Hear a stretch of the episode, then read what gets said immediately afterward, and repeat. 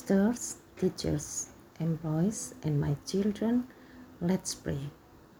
In the name of the Father, and of the Son, and of the Holy Spirit. Amen. I thank you, Jesus, for your blessings in our lives. This morning, we want to hear your word. This is the gospel of Jesus Christ according to Luke. Glorified God.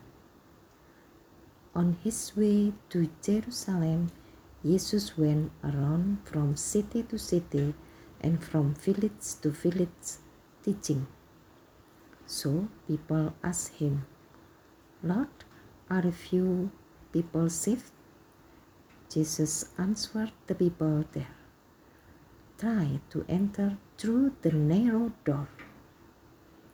For I say to you, many will try to enter, but will not be able to.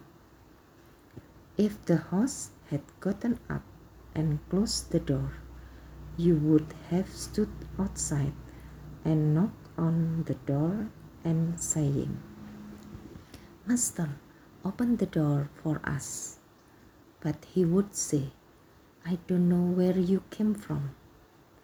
Then you will say, We have eaten and drunk before you, and you have taught in the streets of our city. But he will say, I don't know where you came from. Get out of my sight, all of you who do evil. That's where there will be wailing and gnashing of teeth. When you see Abraham and Isaac and Jacob and all the prophets are in the kingdom of God, but you yourself were cast out. And people will come from east and west, from north and south, and they will sit down to eat in the kingdom of God.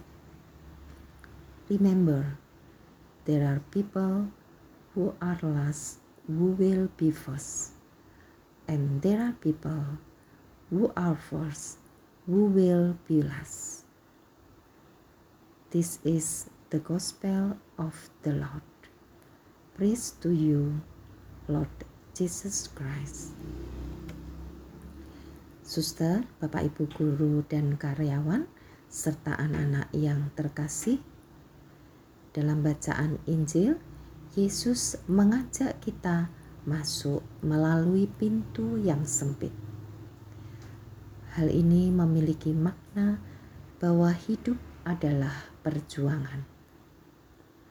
Tetaplah berjuang untuk berjalan di jalan Tuhan di tengah godaan dunia yang begitu banyak. Hidup ini memang berliku-liku dan berbatu-batu, namun Tuhan akan menyertai jalan yang harus ditempuh. Kasih dan kebaikan Tuhan senantiasa hadir dalam perjuangan kehidupan kita. Yesus berpesan untuk memasuki pintu yang sempit.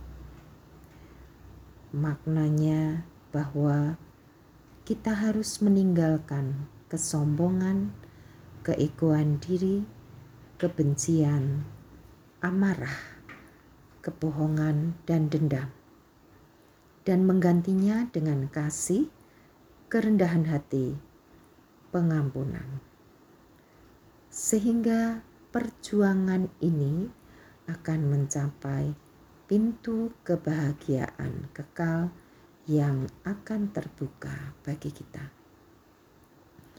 Sudahkah kita berjalan memasuki pintu yang sempit? Marilah kita berdoa. Allah yang Maha Kasih, bersama Dikau kami percaya kami mampu berjuang melalui jalan yang sempit, mengalahkan kelemahan-kelemahan kami. Engkaulah sumber hidup dan kekuatan kami. Amin. Demi nama Bapa dan Putra dan Roh Kudus. Amin.